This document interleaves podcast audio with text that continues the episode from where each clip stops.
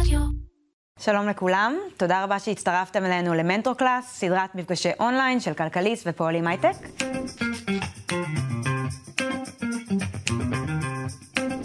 אה, במסגרת הסדרה התקיימו מפגשים אחד על אחד בין יזמים צעירים לבכירי תעשיית ההייטק הישראלית, כדי שאלו יחלקו איתנו מניסיונם ויעזרו לנו, היזמים בתחילת הדרך, לצלוח את הבעיות שיצוצו בדרך לצמיחה. אה, אני מיכל לצר, שותפה מייסדת ומנכ"לית של טוויד, אה, ומולי יושב תום לבנה, מייסד ומנכ"ל ורביט. נעים מאוד, תום. היי, מיכל. תודה רבה שהצטרפת. תודה לך, מה נשמע? אז בשביל אה, ככה לשבור את הקרח ולהתחיל, אני א', אשמח שתעשה לנו elevator pitch של אה, מה זה ורביט, אה, וגם אה, לשמוע איזה פרט שאף אחד לא יודע עליך, אם זה משהו אישי או משהו שקשור לביזנס. אז נתחיל דווקא עם הפרט האישי. הייתי אומר אה, אוהד שרוף של מכבי חיפה, אבל זה כולם יודעים, אחרי הניצחון של אתמול אה, היה זה, אבל פאנ-פקט זה שביסודי הייתי אלוף אה, חיפה והצפון בעדיפת כדור ברזל. וואו. כן, זה אף אחד לא. יודע. ואלווייטור פיץ' של ורביט, אנחנו תמיד, אם אני רוצה לתמצת את זה למילה אחת, זה תמלול. אם זה במשפט, אנחנו החברת התמלול הטכנולוגית הכי גדולה היום בעולם. משלבים אה, אה, AI אה, בשיתוף עם קהילה של מעל 30 אלף מתמללים. יש לנו מעל 4,000 לקוחות, הקמנו את הביזנס לפני שש שנים וצומחים מאז, מעל אלף עובדים. אז זה. מטורף. זה באמת צמיחה משוגעת, ואני חושבת שיש הרבה אנשים שלא מכירים את ורביט היום. אה, אני גם... את לא חושבת שיש הרבה אנשים? או שאת חושבת אני, שיש? אני לא חושבת שיש הרבה אנשים שלא מכירים, אה. double negative. okay. אמ, אני אציג את עצמי גם בקצרה, אז אה, שמי מיכל לצר, אה, וטוויד זה בעצם חברת פינטק, Web שלוש. אה, אנחנו מספקים לחברות תשתית שהיא מאובטחת וחוקית, compliant, של ארנקים ותשלומים שמבוססים על נכסים דיגיטליים. אז אה, מעולה, עכשיו שכבר כולם אה, מכירים אה, ויודעים מי אנחנו, אפשר לעבור לשאלות. אה, אז בתור יזמית בפעם הראשונה, אני יכולה להגיד שבאמת העקומת למידה והצמיחה היא די קיצונית, גם כמנכ"לית, גם כיזמת. ואני יודעת שזה באמת לא הסבב הראשון שלך, כבר הייתה לך חברה אחת לפני. ואני אשמח לדעת, אה, לשמוע קצת ממך על... מה, איך החוויה של להיות יזם בפעם השנייה לעומת הפעם הראשונה? מה מה הלמידות או הנקודות שבאמת אה, אתה יכול לקחת איתך מהפעם הראשונה הזאת ששיפרת ועזרו לך בהקמת ורביט? אני אספר על המקרה שלי, אני חושב שהמקרה שלי הוא שונה מהרבה יזמים אחרים. זה באמת היה לי סוג של אה, חוסר אה, מזל מהותי, אבל... ושיצר אפילו איזשהו סוג של אה, גיבנת, ושהקשה בתור סקנד טיימר יותר מאשר מה שלדעתי אמור להיות בדרך כלל. אה, ניתן ממש בקצרה, אז הסטארט-אפ הקודם שלי, Up Insight, אה, אה, בתחום mobile security. השותף שאיתו הקמתי את החברה חלה בסרטן כמה חודשים אחרי, ממש בהתחלה. ואז בהחלטה מאוד אמיצה החלטתי להחזיר את הכסף למשקיעים ולסגור את ה business. אה, ואז עדיין להגיד, רגע, אני עדיין מאמין בעצמי, אני עדיין רוצה להיות יזם וללכת להקים את ורביט, ורוב המשקיעים שבאתי לדבר איתם, זה הגיבנת, לא מעניין אותם מה היה, מה היה כל מיני סיפורים כאלה ואחרים כמו ש- שתמיד יש. אה, ולהפך, היה לי יותר קשה. היום, לדעתי, בתור משקיע, כשאתה בא ליזם פעם, שהוא פעם שנייה ונכשל, אז אתה שואל, רגע, מה למדת? עוד שנייה אני אגיד מה, מה למדתי מכל הסיפור הזה. אז, אז להפך, נותנים קרדיט שכבר נכשלת ועכשיו אתה אמור להיות אה, יותר טוב, אז אה, אליי דווקא לא עניין אותם מה היה הסיפור, כי לא, לא, נכשלת, ו- ו- ו- ובאמת למזלי, אה, אלה שבאמת נכנסו פנימה ובדקו, אז, אז נתנו לנו את המימון הראשוני, ואחרי שאתה משיג את המימון הראשוני, אז רק על בסיס התוצאות שלך, אם אתה תצליח לדלבר, אז אה, משקיעים ירצו להשקיע, אז, זה היה טוב. מה שלמדתי זה, זה שני דברים. אחד, it's all about the, the people, כן? אני זוכר ש...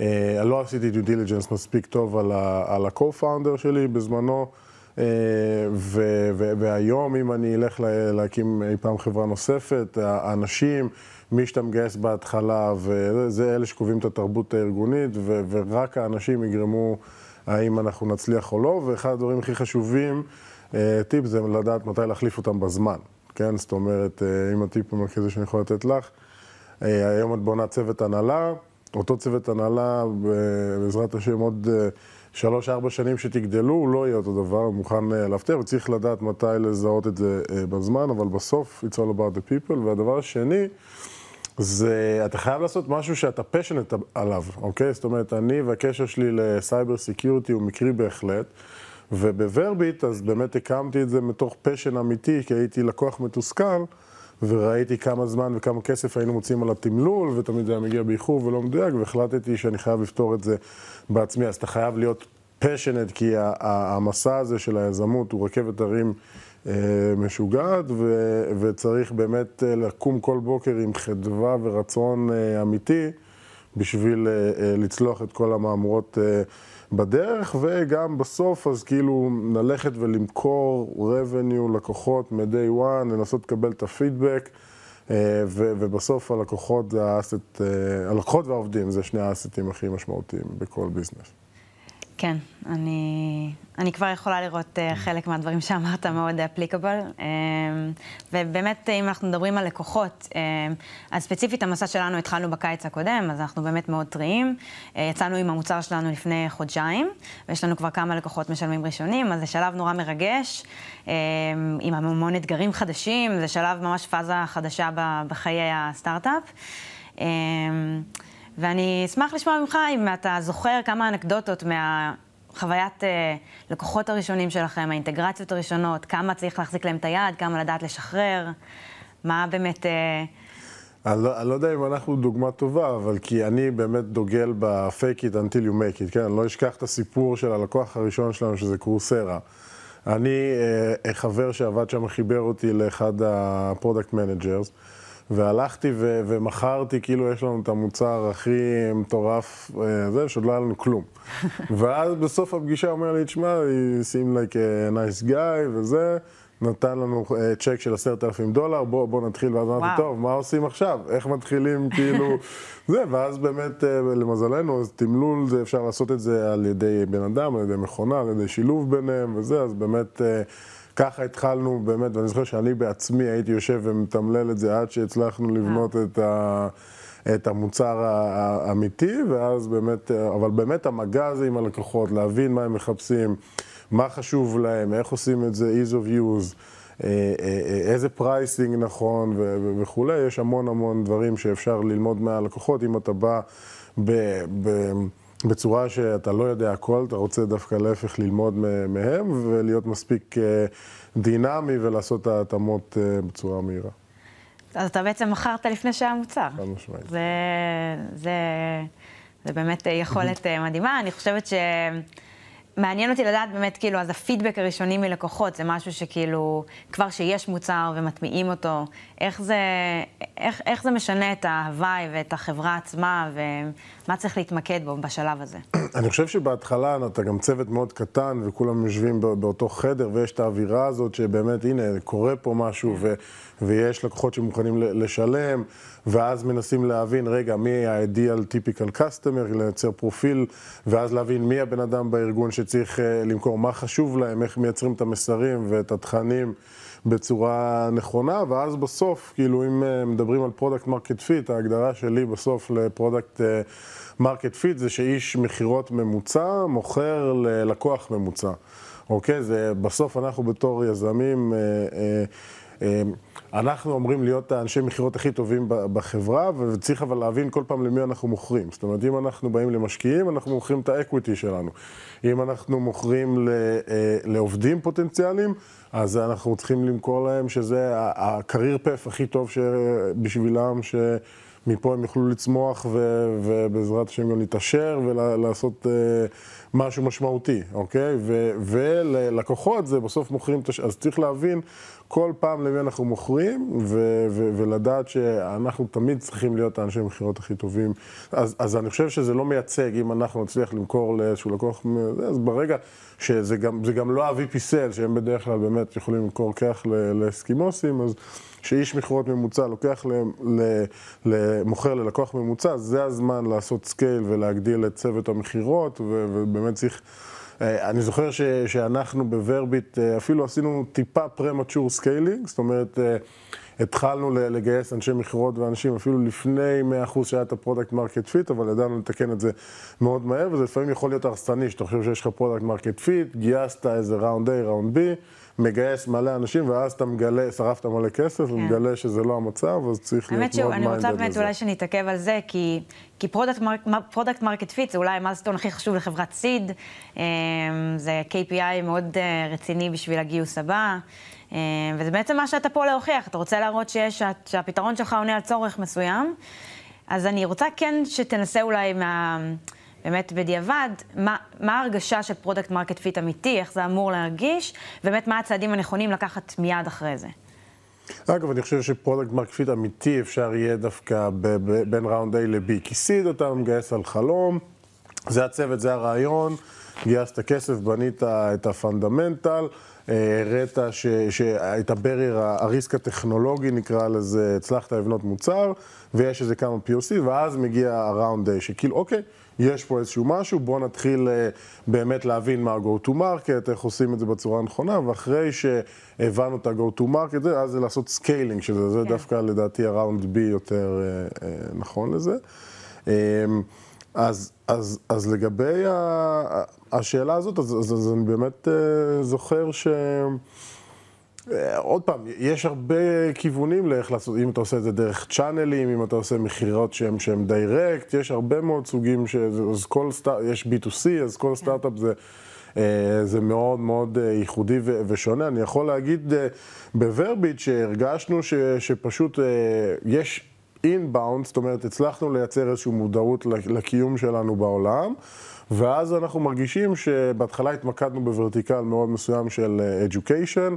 למה? מאוד פשוט, כי יש רגולציה שמחייבת את כל האוניברסיטאות בארצות הברית להנגיש את התכנים ב- לסטודנטים שלהם, אוקיי? אז, אז לגבי למה לקנות את זה? כי חייבים, אז זה קל. תמיד אני אוהב להיות mission critical ולא nice to have, אוקיי? כן. אז ברגע ש, שהבנו גם להבין איך עושים את הפיץ', מה המסג'ינג, וראינו ש, ש, שאנחנו יודעים להכשיר את האנשי מכירות בתקופה מהירה, ושאנשי מכירות החדשים פשוט סוגרים עסקאות, אז יש פתאום תחושה של אנרציה, של עשייה חיובית, שהכל מתחבר. ו- וצריך כאילו גם, עוד פעם, אחד הדברים שאני תמיד מזכיר זה לא להתרגש מההייז יותר מדי, ולא ל- להיות יותר מדי בבאסה מהלואוז, כן? כי כן. זה מסע, זה, ואם אנחנו באמת ניקח את הכל אישי וניתן לזה להשפיע על המנטל הפ שלנו בתור יזמים, אנחנו לא נצליח לשרוד את המסע הזה. כן, אני מסכימה. זה, זה גם לא קורלטיבי. יום גרוע לא אומר שמחר לא יהיה יום uh, מצוין. אה, אז יש לנו זמן לעוד שאלה אחת. Uh, אני אשמח לשמוע ממך, uh, התקופה האחרונה uh, באמת מאופיינת בהמון אתגרים. אני חושבת שגם בסופש האחרון ספציפית ראינו את זה עם uh, SVB. Uh, גם מה שיכול להעיד ספציפית על סקטור הטכנולוגיה, שיהיו פה עוד הרבה אתגרים uh, שעוד לפנינו. Uh, אני רוצה לשמוע מה אתה חושב על להקים חברה בשוק שהוא דובי uh, ובתקופה כזאת. אם אני מסתכל על ההיסטוריה, אני, ל... לא יודע, מזלי, לצערי, לא יצא לי להקים כן. חברה, זה דווקא הקמנו שהכל היה up to the right. אה, אני חושב שמנהיגים נמדדים דווקא, אני אוהב לקרוא לזה שהחז... שהגלים מתחזקים, החזקים מתגלים, וצריך באמת אה, לדעת אה, לנווט גם בתקופות כאלה. אבל עוד פעם, אם אני הולך לפי ההיסטוריה, חברות כמו אובר, Airbnb, שהן ענקיות בתחומם, קמו ב- ב- בתקופות כאלה, כי אני אומר, עוד פעם, אם אתה עכשיו בשוק דובי, אז כנראה שאחרי הירידות ואחרי התקופה הקשה, יהיה, יהיה עלייה. למרות שעוד פעם, אנשים הם יותר אה, אה, משקיעים, הם יותר הססנים נקרא לזה בתקופה הזאת, אז צריך, זה הרבה יותר קשה לגייס כסף בתקופה הזאת, אז, אבל בסופו של יום, עוד פעם, צריך לזכור שאותן קרנות גייסו כספים במאות מיליארדים של דולרים ברחבי העולם, והעבודה שלהם זה להשקיע את זה. אז צריך תמיד לזכור את זה, ש, שכסף והון להשקעות בסטארט-אפים, במיוחד בתחילת הדרך, אה, תמיד יש ותמיד יהיה כנראה, ועוד פעם, בסוף, אז, אז, אז זה מאוד נוח שאתה מתחיל, אז אין ויכוחים על ולואציות וזה, אני זוכר שעוד פעם, אחת הסיבות לקריסה, שאם טיפה ננסה להבין מה, מה קרה פה בעצם, אז היה את וירוס הקורונה, אוקיי? לפני קצת יותר משנתיים, ואז הבנק המרכזי בארצות הברית, הפד, הדפיס טריליונים של דולרים, אוקיי? אותם טריליונים של דולרים חיפשו אה, בית חם, ואז אומרים, רגע, אם אנחנו גם ככה הכל remote, כל החברות שעושות את ה digital transformation, כמו ורביט לשוק התמלול, שיינד, uh, אוקיי, וגייסו המון המון כסף. Uh, אנחנו רק בשנה הזאת של הקוביד גייסנו כמעט 500 מיליון דולר, כן? בשנה אחת זה הישג חסר תקדים. Uh, ו... ואז ככה התנפחו גם השוויים, ואז אחרי זה כל השווים ירדו, ואז עוד פעם, אפשר להסביר מה גרם לקריסה של הבנק ב... ממש בשתי משפטים, שבעצם הבנק סגר את המזומן שלו בפקדונות בריבית של 1.7% לעשר שנים של ארה"ב. אז הבנק המרכזי העלה את הריבית אה, בצורה מאוד חדה, מאוד מהר, ואז הבנק מכר בהפסד של כמעט 2 מיליארד דולר. והוא עשה, לא, לא תקשר בצורה מספיק טובה את זה שהוא צריך לגייס הון, ואז הוא אמר, אל תדאגו, יהיה בסדר, שזה הדבר הכי גרוע שאפשר להגיד, yeah. כן. ואז בעצם אה, אה, יוביל לקריסה ש... אה, של הבנק, לצערי הרב, ו...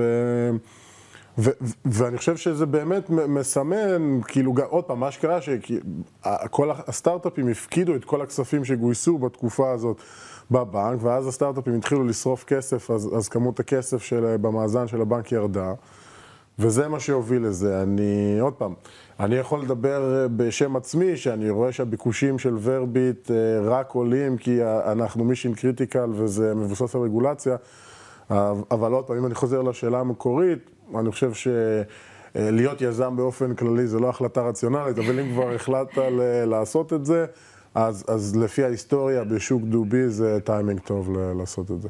כן, זה, זה טוב לסיים עם נקודה אופטימית, ואני מסכימה שצוותים חזקים, עם, אה, שעונים על באמת בעיה שקיימת ויש לה צורך, אה, תמיד גייסו כסף, ותמיד אה, הצליחו באמת להרים חברות מצליחות, גם בשוק הזה.